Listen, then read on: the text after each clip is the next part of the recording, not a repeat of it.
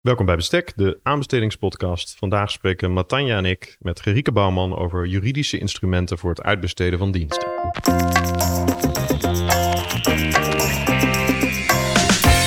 Welkom bij Bestek, de podcast voor de aanbestedingswereld. Deze serie biedt inzicht in onderzoek en praktijk. Meester Dr. Willem Jansen en meester Matanja Pinto bediscussiëren de uitdagingen van het aanbestedingsrecht. Samen met hun gasten gaan zij voor u op zoek naar oplossingen. Dit is Bestek, de aanbestedingspodcast. Nou, welkom, uh, welkom Gerike en Matanja. Ja, nou, welkom, welkom lieve luisteraars. En welkom Gerike bij, bij ons in de mobiele studio die ik hier heb opgebouwd bij de Universiteit Utrecht. Welkom Gerike. Ja, dank voor de uitnodiging. Ja, leuk dat je, dat je erbij bent. Voor ons ook een unicum in die zin dat uh, normaliter Matanja en ik uh, verward worden op conferenties. Dat ik soms complimentjes krijg over de, de afleveringen die Matanja maakt. Uh, gaat dat de andere kant ook op? Weet ik niet. Laten we even in het midden. Het gaat er vooral om dat we het ook leuk vonden om een keertje samen uh, een, een, podcast op te nemen. En natuurlijk dan het liefste met, uh, met jou, Gerike.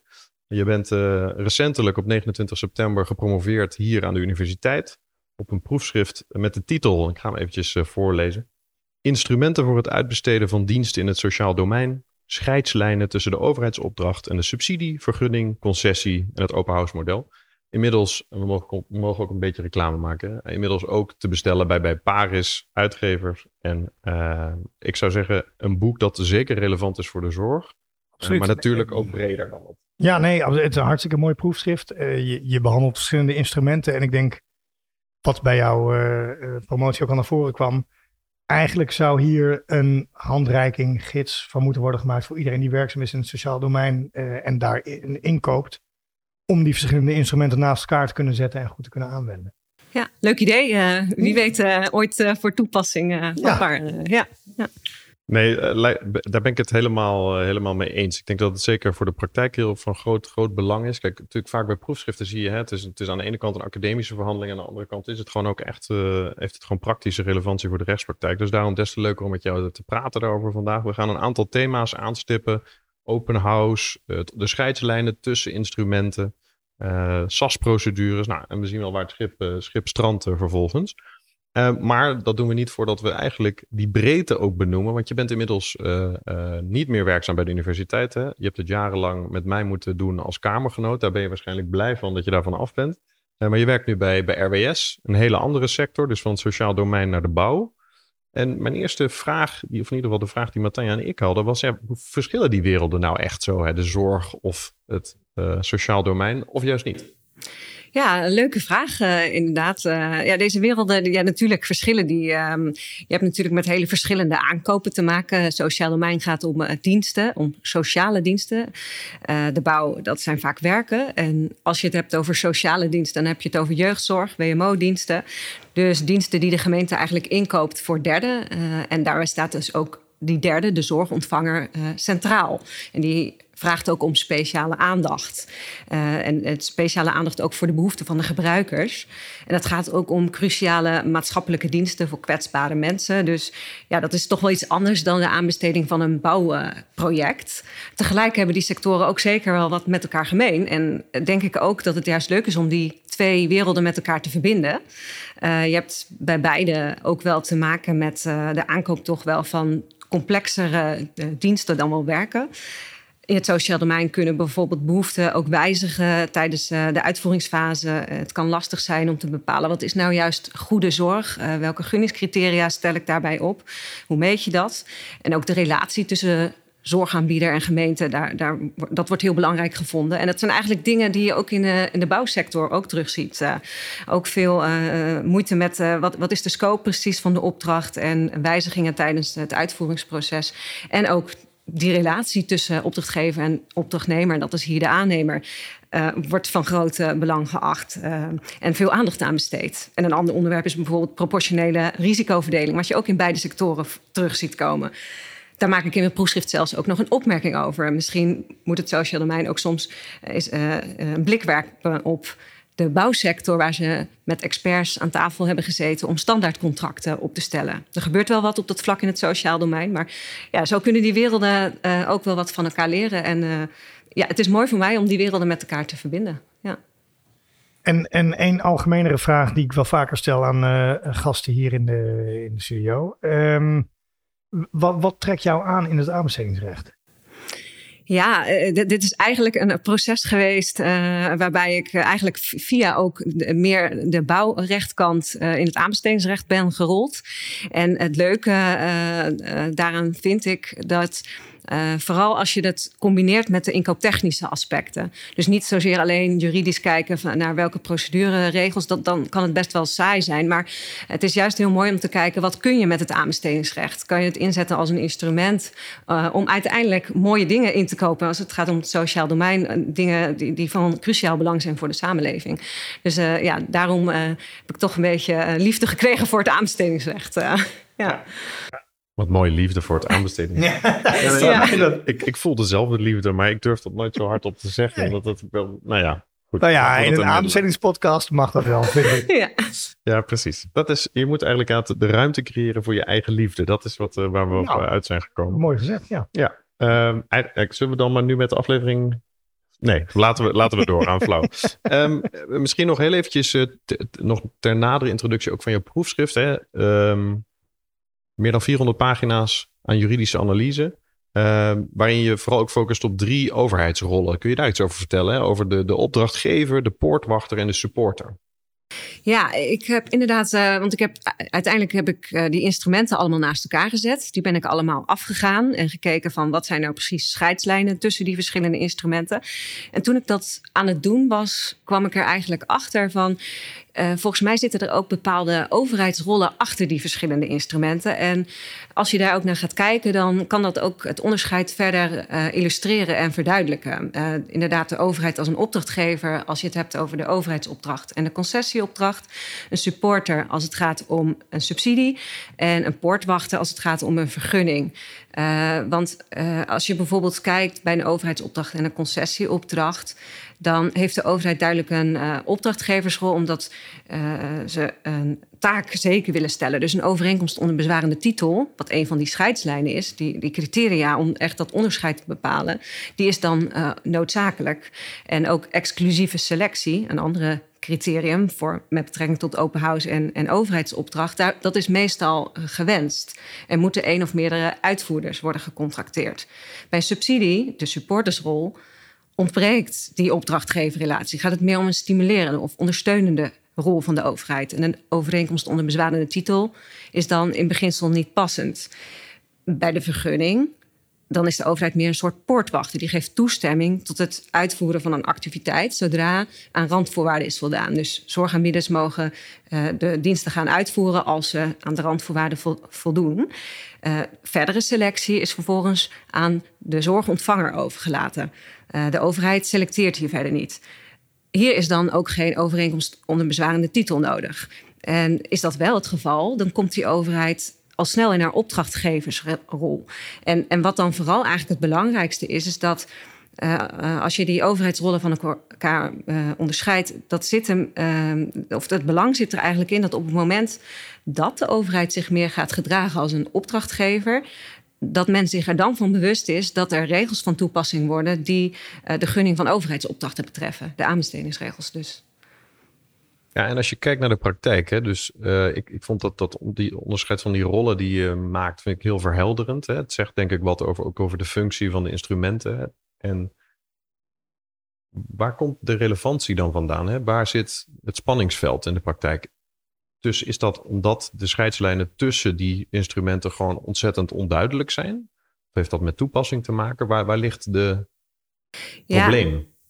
Um, die, die, die scheidslijnen, eigenlijk is er een verwarring opgetreden. Omdat bijvoorbeeld um, met betrekking tot de scheidslijn tussen overheidsopdracht en subsidie, er zijn allemaal criteria in de praktijk in omloop gekomen. En dat komt eigenlijk voort uit uh, de subsidiedefinitie die neer, is neergelegd in de Algemene Wet Bestuursrecht. Uh, daar is een memorie van toelichting op. Dat is al uit de jaren tachtig van de vorige eeuw. En uh, daar, zijn, daar is een toelichting op en er zijn criteria ontstaan die ook in bestuursrecht bestuursrechtspraak in omloop zijn geraakt. En die geven eigenlijk het onderscheid weer tussen de subsidie en een opdracht. En dat is ook is een toepassing gaan vinden in dat onderscheid tussen de overheidsopdracht en de subsidie. En wat je dan ziet is dat dat tot verkeerde conclusies kan leiden over wat, waarvan eigenlijk sprake is. en dat er dus eigenlijk in de praktijk ook regelmatig subsidies worden verstrekt die in feite verkapte overheidsopdrachten vormen. Om een voorbeeld te noemen. Bijvoorbeeld uh, het criterium hoe hoog uh, de vergoeding is die de zorgaanbieder voor het leveren van een dienst krijgt. Uh, dan wordt wel gezegd dat op het moment dat sprake is van een, alleen een kostenvergoeding, dat dan dat een aanwijzing zou vormen dat sprake is van een subsidie. Terwijl als het gaat om een marktconforme betaling, dat dan een overheidsopdracht zou zijn. Maar als je kijkt naar hoe je dat begrip overheidsopdracht Europees moet uitleggen, dat is een Europees instrument wat ook voorgaat op nationale instrumenten en nationale definities van bijvoorbeeld een subsidie dan uh, zie je dat dat criterium uh, niet relevant is en, en tot verkeerde conclusies kan leiden. Omdat uh, ja, als um, criterium voor de overheidsopdracht geldt dat het moet gaan om uh, enig economisch voordeel wat die zorgaanbieder krijgt. En dat is een veel ruimer criterium, waaronder ook die kostenvergoeding valt. Dus en, en, en daarmee overlapt het toch? Eh, dus iets kan naar Nederlands recht een subsidie zijn en toch een overheidsopdracht zijn. Precies. En, ja. en, en daar ontstaat wel een probleem, omdat je uh, dan die uh, opdracht zou moeten gunnen door middel van een aanbestedingsprocedure. Uh, en, maar natuurlijk moet er ook sprake zijn van, van een selectie. Als die er niet is, wat je soms bij subsidies hebt, dat, dat die voor iedereen vrijelijk beschikbaar zijn, dan geldt dat niet. Maar vaak zitten, worden subsidies ook verdeeld.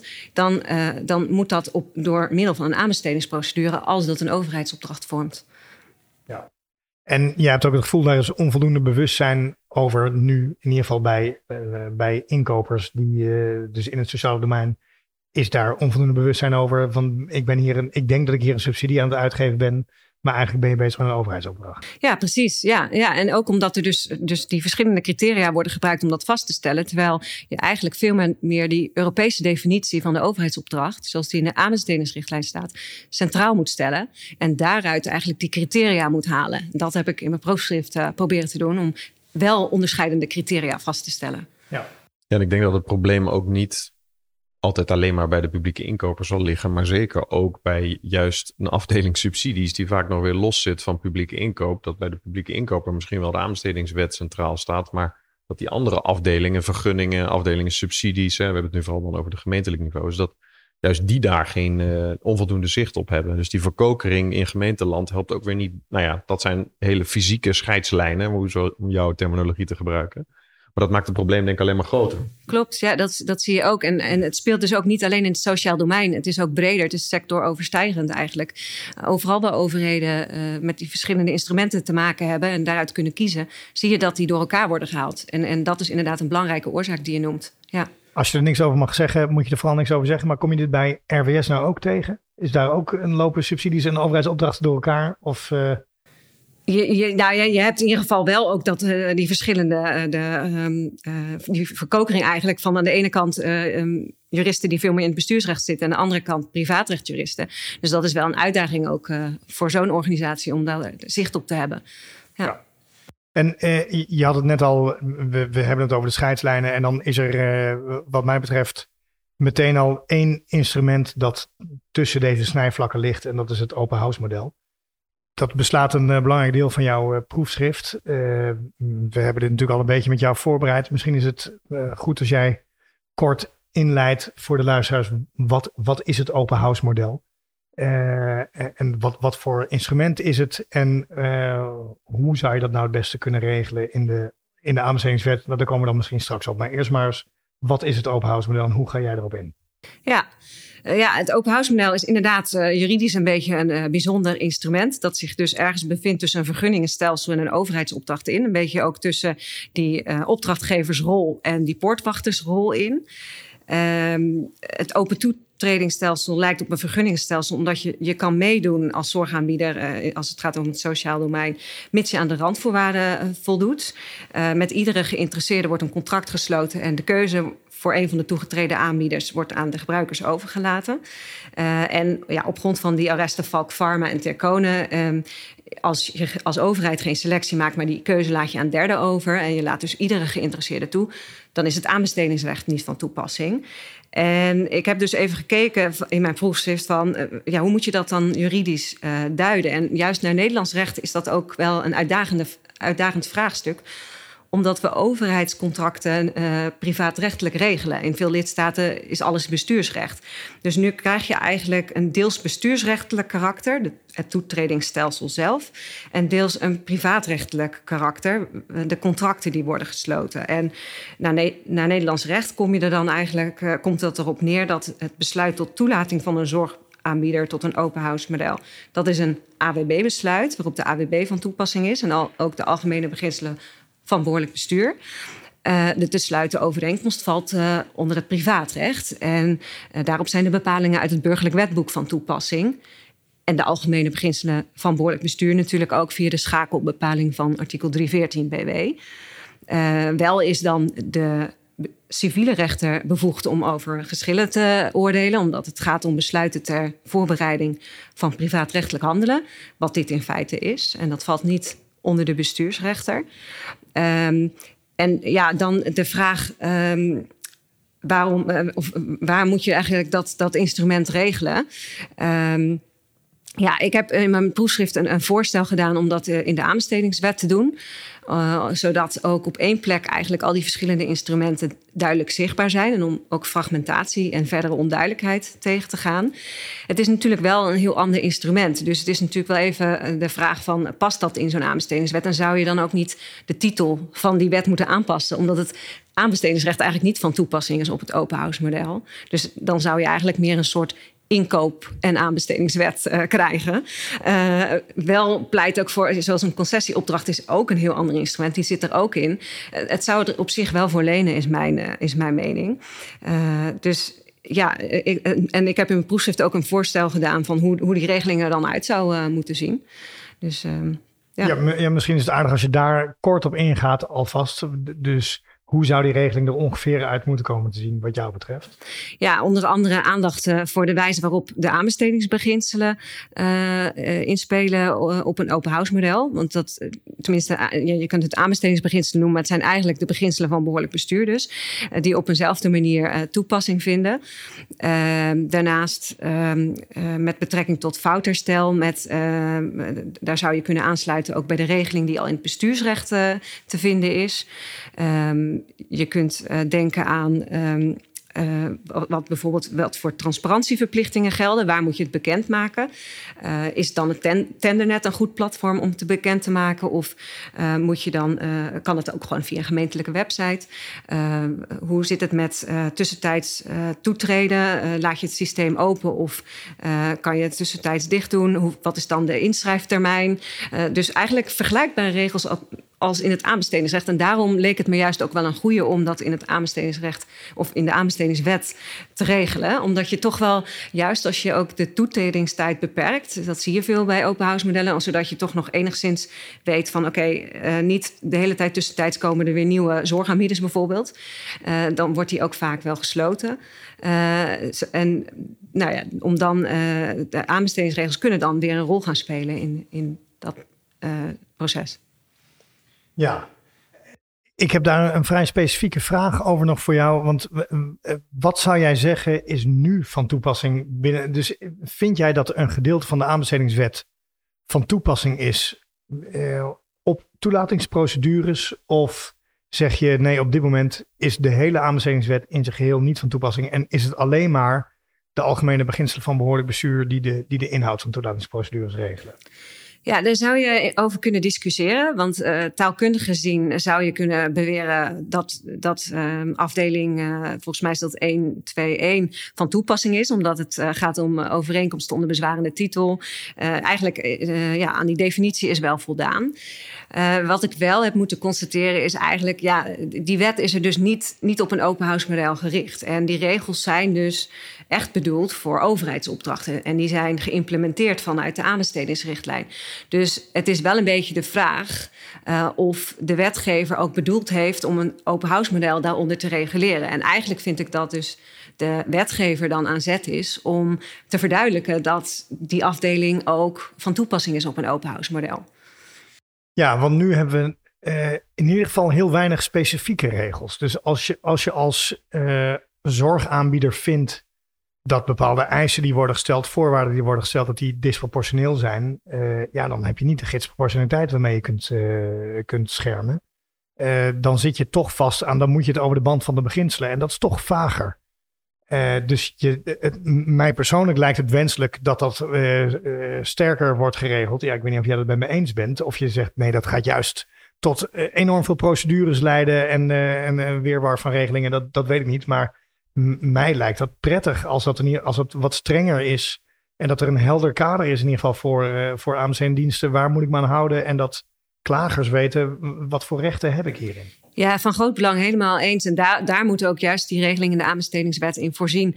En, en die regels zijn wel van toepassing op een open house model met duidelijk grensoverschrijdend belang. Daar heb ik het verder nog niet echt over gehad. Dat onderscheid zit er wel in. Als, als het zeg maar gaat om een open house model met duidelijk grensoverschrijdend belang, dan volgt het open house model precies de regels van vergunningenstelsels. Raakt op dezelfde manier uh, het vrij verkeer. En op basis daarvan geldt uitdrukkelijk dat je geen disproportionele voorwaarden mag stellen. Dat um, de voorwaarden niet discriminerend mogen zijn. Dus voor sowieso een open house model met duidelijk grensoverschrijdend belang is, zijn die regels denk ik wel al best duidelijk. Maar in de praktijk leidt het nog wel tot onduidelijkheid. Dus ik zou wel zeggen dat moet ook in de wet komen. Maar ook met name voor een open house model zonder duidelijk grensoverschrijdend belang. Daar heb je dus de beginselen van behoorlijk bestuur. En daarvoor is het denk ik heel nuttig als we dat gaan expliciteren. En ook uh, bijvoorbeeld inderdaad proportionaliteit, wat een heel belangrijk beginsel is. Uh, maar ook uh, om niet discriminerende voorwaarden daarin neer te leggen, dat dat, dat, dat in de regeling wordt gewaarborgd. Ja. Ik verwacht ook wel dat dit een thema wordt bij de herziening van de aanbestedingsrichtlijnen. Dan zeg ik de herziening. We weten natuurlijk niet wanneer dat gaat gebeuren. Hè. Brussel lijkt er niet veel zin, zin, in te hebben. Het laatste wat we weten is dat het comité van de regio's in ieder geval heeft gezegd... daar moeten we nog niet aan beginnen. We zijn net blij dat we het hebben geïmplementeerd en de praktijk een paar jaar hebben.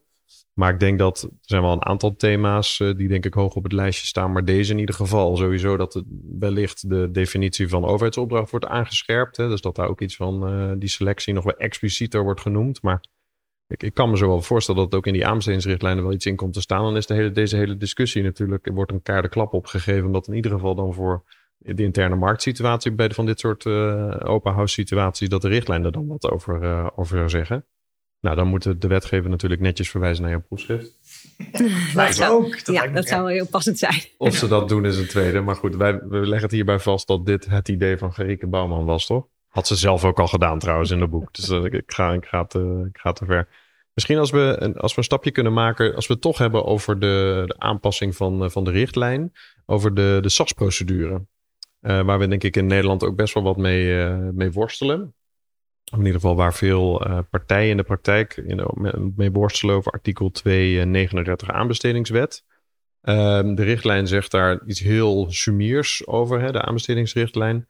En je bent ook uh, nou, in je boek nou, kritisch daarover. Dat je aangeeft van ja, daar zouden meer handvatten over moeten komen. Zou je daar iets meer over kunnen vertellen? Ja, dat is inderdaad een heel belangrijke, een, een, belangrijke aanbeveling die ik heb gedaan met mijn proefschrift. Om, om die uh, procedure voor sociale en andere specifieke diensten uh, eigenlijk te verbeteren en, en aan te vullen met belangrijke aspecten die het nu eigenlijk ontbreekt. want zoals je al zei, um, in mijn proefschrift heb ik um, ook beschreven uh, die, die procedure voldoet nu niet aan de oproep van de EU-wetgever. Als je echt goed kijkt naar de eisen die in artikel 76 van de aanbestedingsrichtlijn zijn genoemd.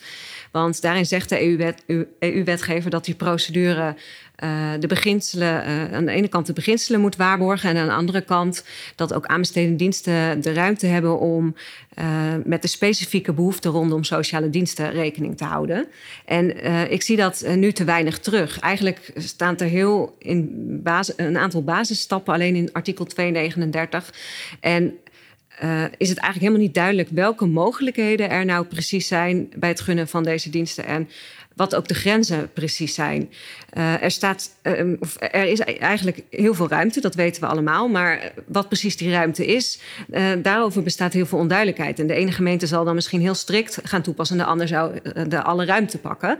En bijvoorbeeld, waar deze regeling geen duidelijkheid geeft... en waar naar mijn mening wel duidelijkheid over zou moeten zijn... is de gunningsfase. Dat is eigenlijk de fase die in die hele procedure in Nederland ontbreekt. Terwijl dat onderscheidt juist de overheidsopdracht van een open house model. En dat is juist de essentie van het aanbestedingsproces. Terwijl nou, in deze procedure is dus niet duidelijk gemaakt hoe kunnen overheidsopdrachten voor sociale diensten dus worden gegund? Aan de hand van welke uh, gunningscriteria? En het wordt ook lastig gevonden in de praktijk om uh, goede gunningscriteria vast te stellen. Dus mijn voorstel zou ook zijn om uh, in duidelijke overkoepelende gunningscriteria bijvoorbeeld uh, te voorzien. Ook onderscheiden naar verschillende soorten zorg. en dan, dan WMO-diensten, jeugdzorg, maar ook weer uitgesplitst naar soort jeugdzorg. En misschien is het wel een idee om daar ook een soort gidsje aan te koppelen als de gidsproportionaliteit, waarin dergelijke dingen duidelijk zijn, wat het echt concrete handvatten biedt. Ja, en een, en een ander belangrijk uh, aspect van die procedure wat nu ontbreekt in het sociaal domein is veel behoefte aan onderhandelingen en dialoog. En in die hele SAS-procedure is daarover niets te vinden. Uh, en, en ook niet over de grenzen die daaraan gelden. Dus mijn voorstel zou ook zijn bijvoorbeeld te kijken naar de mededingingsprocedure met onderhandeling. Of dat bijvoorbeeld een procedure zou zijn die kan worden omgezet ook voor uh, sociale diensten uh, in te kopen. En misschien kunnen we ook naar onze zuidenburen kijken. Zoals in België hebben ze ook een vereenvoudigde onderhandelingsprocedure bijvoorbeeld. Dus daar zou ook naar gekeken kunnen worden. Uh, ik merk gewoon dat die procedure die, die we nu hebben, die, die geeft weinig duidelijkheid, veel rechtsonzekerheid. En juist een meer uniforme procedure en een toegespitste procedure biedt ook, uh, of gaat ook administratieve lasten tegen, wat natuurlijk ook een uh, groot probleem is. Dus ja. Ja, en wat denk jij dat er misgaat als nu uh, aanbestedingsdiensten vrijwillig zouden kiezen voor bijvoorbeeld een mededingingsprocedure met onderhandelingen in het sociaal domein?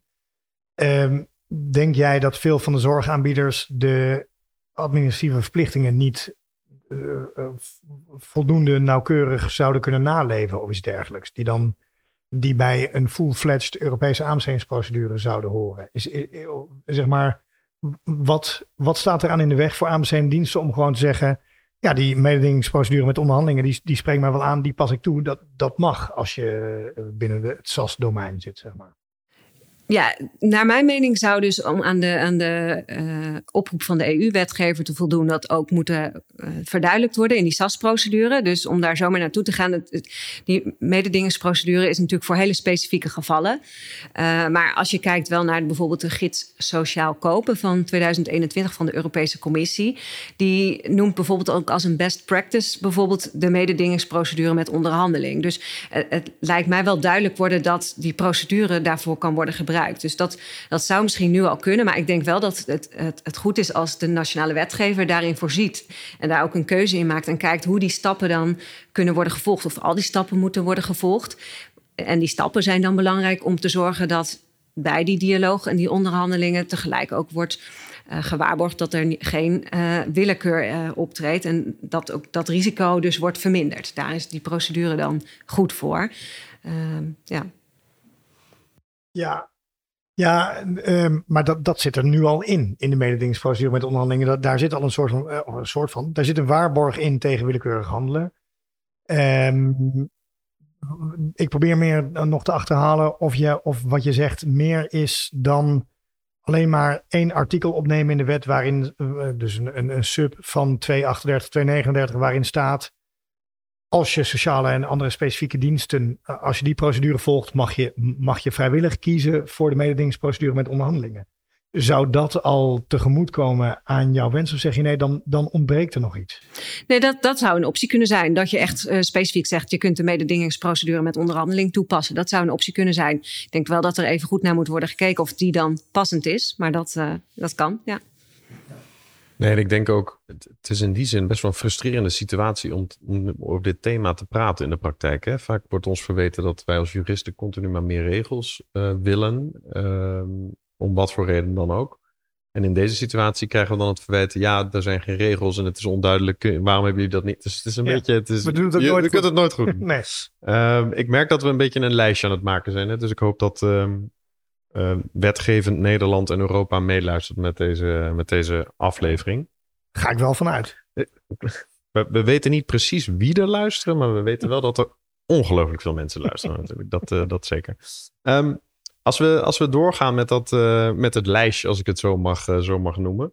Ehm, ja, eh, de, de weinig blijft heel van de richtlijn. Dan overdrijf ik een beetje natuurlijk. Ehm, eh, zeker ook omdat je, ehm, je, je gaat in je proefschrift ook in op vrijwilligersorganisaties, burgerinitiatieven en sociale ondernemingen. En je eh, hebt het daar dan ook over de ruimte en nou de toegevoegde waarde die dit soort entiteiten hebben voor onze maatschappij. Daar ben ik het helemaal mee eens. En ook dat, er, dat de schoen soms wringt. Hè? Dus dat het niet zo makkelijk is om dat soort partijen financieel te ondersteunen met een overheidsopdracht. Eh, hoewel ze denk ik heel veel nuttige dingen doen. Ehm, en eh, in je proefschrift eh, pleit je dan ook voor een bredere uitzonderingscategorie voor dit soort eh, partijen. Ehm, en eh, toen werd je, zoals je tijdens je promotie zelf zei, ingehaald door het Hof van Justitie. Ik dacht, nou laten we het gewoon anders eh, formuleren. Eh, het Hof van Justitie eh, was het eens met dokter Bouwman de Jong. Dat kan ook. Ehm, eh, want het Assade-arrest kwam, eh, kwam ook uit. Ehm, zou je daar iets meer over kunnen vertellen? Waarom hebben we meer ruimte nodig? Of eh, anders gezegd, hoe zouden we dat soort ruimte, hoe zouden we dit soort partijen meer ruimte kunnen geven binnen de ruimte van het, binnen het, de werking van het aanbestedingsrecht? Ja, dit is inderdaad een goed voorbeeld waar, waarbij nu de EU-wetgever aan zet is. We hadden het net natuurlijk ook over, veel over de nationale wetgever. Maar dat is ook een element wat eh, voor de EU-wetgever eh, volgens mij een eh, belangrijke stap is om te zetten. Eh, ja, dat Assade-arrest, eh, ik vond hem net iets te laat komen. Omdat ik er natuurlijk graag nog een paragraaf over had geschreven. Eh, maar ik heb er alsnog wel een kleine opmerking over kunnen maken. Omdat het proefschrift al bij de drukker lag. Je weet dat ik in de redactie zit voor het tijdschrift voor aanbestedingsrecht. Hè? We zijn nog op zoek naar ko- kopij. Nee, flauw. Ga door. Precies, nou, het, het, zou, leent zich in ieder geval wel voor een mooi stuk. Omdat het Assade-arrest is juist ook heel interessant voor het sociaal domein. En vooral met het oog op de rol van vrijwilligersorganisaties. Burgerinitiatieven zou je daar ook eh, onder kunnen scharen. Ehm, en wat vooral dat Assade-arrest eh, bevestigt eigenlijk... en waar ik het ook al in mijn proefschrift over heb... is dat er eigenlijk sprake is van een eh, koerswijziging met betrekking tot de rol van die vrijwilligersorganisaties. Dat er meer ruimte is om rechtstreeks aan die organisaties te kunnen gunnen onder de doelstellingen van het EU-recht. En ik bespreek in mijn proefschrift dan vooral Casta en Spezzino-zaken uit 2014, 2016, als ik het goed heb. En um, ja, wat, je, wat je in die arresten en ook dus in het Assade-arrest ziet, is uh, dat er uh, in tegenstelling tot voorheen, waarin eigenlijk deze uh, clubs, waarvan werd gezegd, ja, die moeten ook gewoon meedoen met aanbestedingsprocedures, die concurreren ook met commerciële entiteiten, die moeten gewoon meedoen met aanbestedingsprocedures. En dat het Hof daar dus een beetje op terugkomt en uh, ruimte ziet onder het vrij verkeer op basis van een objectieve rechtvaardiging om toch rechtstreeks te kunnen gunnen. En dat, is, en dat is dan wel op basis van een, stelsel. Um, dit arrest speelt in Spanje en die andere arresten in Italië. Uh, dat zie je daar vaak dat het stelsel uh, wordt vormgegeven op een bepaalde manier dat de begroting in evenwicht wordt gehouden. Dus die gunning, die rechtstreekse gunning aan vrijwilligersorganisaties is bedoeld om uh, de zorgkosten enigszins te beteugelen. En uh, dat zit helemaal in dat uh, nationale systeem verweven. Dus dan ziet het Hof daar een rechtvaardiging in. Overigens in afwijking dan ook van de AG's, die daar nog heel strikt adviseren om te zeggen: Nou, de lijn, de jurisprudentielijn is geen rechtstreekse gunning, want dat belemmert het vrije verkeer. Maar het Hof ziet daar dus toch wel mogelijkheid voor.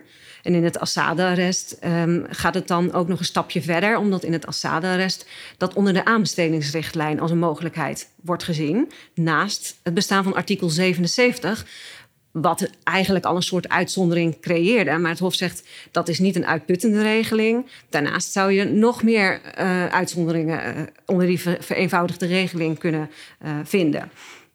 En dat bevestigt voor mij dus dat er een koerswijziging plaats heeft gevonden. Uh, die past bij de doelstellingen van EU-recht en ook het beginsel van lokale autonomie, het Europese beginsel. En ook de sociale markteconomie, waaronder uh, belangen van uh, nationale zekerheidsstelsels, maar ook van de belangrijke rol die vrijwilligersorganisaties spelen. Ook met betrekking tot sociale cohesie en solidariteitsoverwegingen, om die rol beter te kunnen uh, benutten. En ja, dan de vraag of dat dan voldoende is. Uh, ik denk dat het dus dan Europese wetgever aan zet is om dit nog verder eigenlijk uit te werken. En eigenlijk zelfs nog in een bredere uitzondering te voorzien. Ik denk dat het Assad-arrest laat zien dat de tijd daar wel rijp voor is. En dat het dan moet gaan om een uitzondering die breder is dan het sociale domein. Waar het over gaat in het Assad-arrest. En ook breder dan de Assad-uitzondering uh, aan zich. Omdat dat natuurlijk heel specifiek gaat om een bepaald stelsel. In Nederland kennen wij niet zo'n stelsel om de begroting in evenwicht te houden. Dus uh, het is eigenlijk nog wel een beperkte uitzondering. Maar ik denk dat die arresten wel laten zien dat de tijd rijp is voor een bredere uitzondering. En dus waar, waar je dus als overheid meer ruimte hebt om uh, opdrachten rechtstreeks te verstrekken aan vrijwilligersorganisaties en burgerinitiatieven het is echt een uitspraak om van te smullen, vind ik. Uh, in die zin ook doet het heel erg veel recht, denk ik, aan artikel, aan de problemen die momenteel spelen met artikel 77, die volgens mij, misschien ook een oproep aan de luisteraars, nog nooit is toegepast in Nederland. Hè? De, de, de reserved procedure of de voorbehouden procedure in goed Nederlands voor sociale ondernemingen of participatiemaatschappijen, zoals de, de Nederlandse wetgever me heeft genoemd.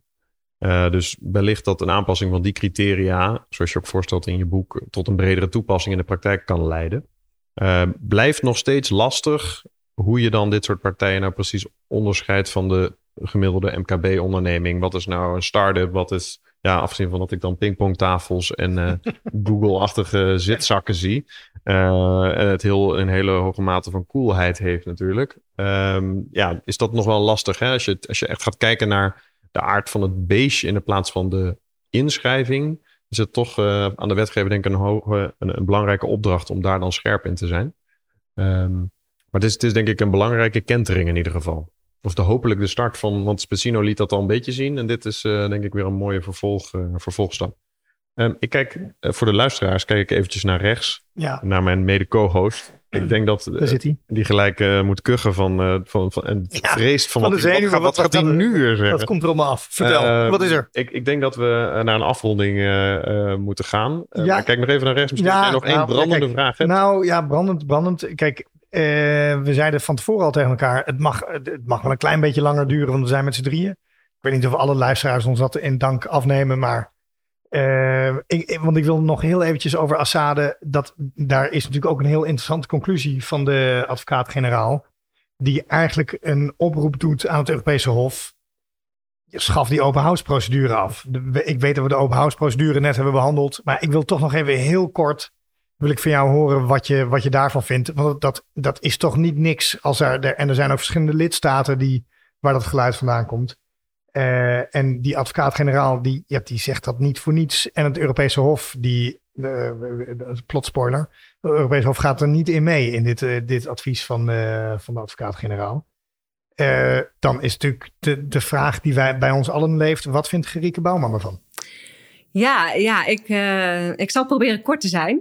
Uh, ik had eigenlijk uh, niet anders verwacht dan dat het Hof dit in stand zou laten. omdat ik juist hele belangrijke tegenargumenten zie op die kritiekpunten die worden geuit op de arresten Valk Pharma en Tirkone. Uh, en, en dan, want dat gaat er dan om dat eigenlijk alle overheidscontracten zouden moeten worden aanbesteed. En volgens mij is dat een, een veel te, uh, eigenlijk een ver, verouderde opvatting over de rol van mededinging uh, in, het, ja, in het gehele EU-rechtssysteem. En houdt er ook niet rekening mee dat het EU-recht in principe de lidstaten, en in dit geval aanbestedende diensten, vrijlaten om voor een pas, meest passende instrument te kiezen. Dat zie je ook heel vaak terug in de jurisprudentie over concessieopdrachten. Urawasser, Stadler, Passau. Daar benadrukt het Hof steeds: het is aan de keuze van aanbestedende diensten om te kijken uh, welk instrument past hier nou het beste om bepaalde diensten te organiseren. En nou, dat, dat geldt denk ik ook voor het open house model. En daarbij, het past ook echt bij ehm, de sociale markteconomie. We hebben niet langer een, een open markteconomie met vrije mededingen, maar een sociale markteconomie waarbij de bredere maatschappelijke belangen van de Europese samenlevingen centraal staan. En, en ook, ja, die staat uiteindelijk ten doel van hogere EU-doelen, ook het welzijn van de EU-burgers. En juist door aanbestedende diensten de vrijheid te geven om te kiezen voor het meest passende instrument, kunnen zij veel meer richten op ook wat dan die EU-burgers nodig hebben. Bijvoorbeeld als het gaat om het organiseren van sociale diensten. Dat dus die uh, dat een aanbestedingsdienst kan kijken, is in dit geval misschien een open house model het meest geschikte instrument, omdat je keuzevrijheid wil voor de cliënten en omdat het flexibiliteit uh, biedt. Dus, dus, dat is eigenlijk het voornaamste argument waar, waarop ik um, ja, al, uh, ook in mijn proefschrift um, heb gezegd uh, ja, die kritiekpunten, dat, dat, dat kan. Maar uh, dat EU-recht ziet niet op uh, voorschrijven van dat je contracten per se moet aanbesteden. En daarbij, die, die argumenten van de AG gaan ook heel erg over. dat, het, dat een open house model dan zou leiden tot discriminatie en, en discriminerende voorwaarden in de toetreding. Maar dan wordt volgens mij vergeten dat ook op een open house model vergelijkbare EU-beginselen van toepassing zijn. Natuurlijk wel als het gaat om een open house model met duidelijk grensoverschrijdend belang. Maar diezelfde beginselen zijn ook gewoon op een open house model van toepassing. En ook in een open house model mogen geen discriminerende voorwaarden worden gesteld. En die voorwaarden moeten ook nog eens proportioneel zijn. Die mogen niet verder gaan dan noodzakelijk. Dus daarmee kan je eigenlijk die argumenten van, van de AG weer leggen. Ja, mooi. Nee, dat, uh, dit wil ik graag nog eventjes horen. Dat, ik was benieuwd. Maar uh, oké. Okay. Um, Willem, aan mij de eer of aan jou de eer om de afsluitende vraag die we traditioneel stellen. Als je hem dan zo galant aan mij geeft, dan geef ik hem weer terug aan jou. Jij mag hem stellen. Oké, okay, goed. Gerike, stel dat je één of twee dingen mag aanpassen in de aanbestedingswet. Wat, wat zou jij dan aanpassen? Ja, ik heb al echt een hele lijst. En ik heb er natuurlijk ook al een paar genoemd. Uh, de, natuurlijk het open house model uh, opnemen in de aanbestedingswet. We realiseren ons, je hebt vast gespeeld, maar ik ga vooral door. ja, precies. En, en de, en de SAS-procedure uh, aanpassen. Ja. meer aandacht voor de gunningsfase en de ruimte om te mogen onderhandelen. En ja, ik heb er nog meer. ik zou ook bijvoorbeeld in het kader van het tegengaan van zorgfraude willen noemen. dat is toch best wel een maatschappelijk prangende issue geworden. Ook omdat het moeilijk is om daar iets tegen te doen. Dan zou ik toch wel aanbevelen om daarover, of in zijn algemeenheid rondom fraude, iets op te nemen, bijvoorbeeld in de gids proportionaliteit. Welke uitsluitingsgronden zijn daarvoor geschikt? Hoe kan dit worden toegepast ook om aanbieders uit te sluiten? En de gids proportionaliteit zou ook geschikt zijn, omdat dan ook kan worden voorzien in een concreet voorbeeld, denk ik. Mooie aanvullende, afsluitende aanbeveling ik, ik, kijk naar rechts en ik, weet, ik realiseer me dat niemand dat kan zien. Maar, zoals jullie inmiddels door hebben, Matanja zit aan mijn rechter, rechterhand. Um, we komen tot een afronding. Dankjewel, uh, Grieke, dat je ons mee hebt genomen in jouw fantastische boek. Uh, laat ik hem nogmaals de titel herhalen. Kracht van herhaling. wellicht leidt dat tot een nou ja, meer bij het verspreiden boodschap die, die je in je boek hebt zitten. Instrumenten voor het uitbesteden van diensten in het sociaal domein. Scheidslijnen tussen de overheidsopdrachten, subsidievergunning, concessie en het open house model. Dankjewel dat je ons vandaag mee hebt willen nemen in die wereld. Dit was Bestek, de aanbestedingspodcast. Dit was Bestek, de aanbestedingspodcast. Wilt u ook bijdragen aan de discussie over het aanbestedingsrecht? Deel dan uw gedachten over deze of andere afleveringen op LinkedIn of Twitter. Heeft u een idee voor een aflevering? Laat dan een bericht achter op www.aanbestedingspodcast.nl.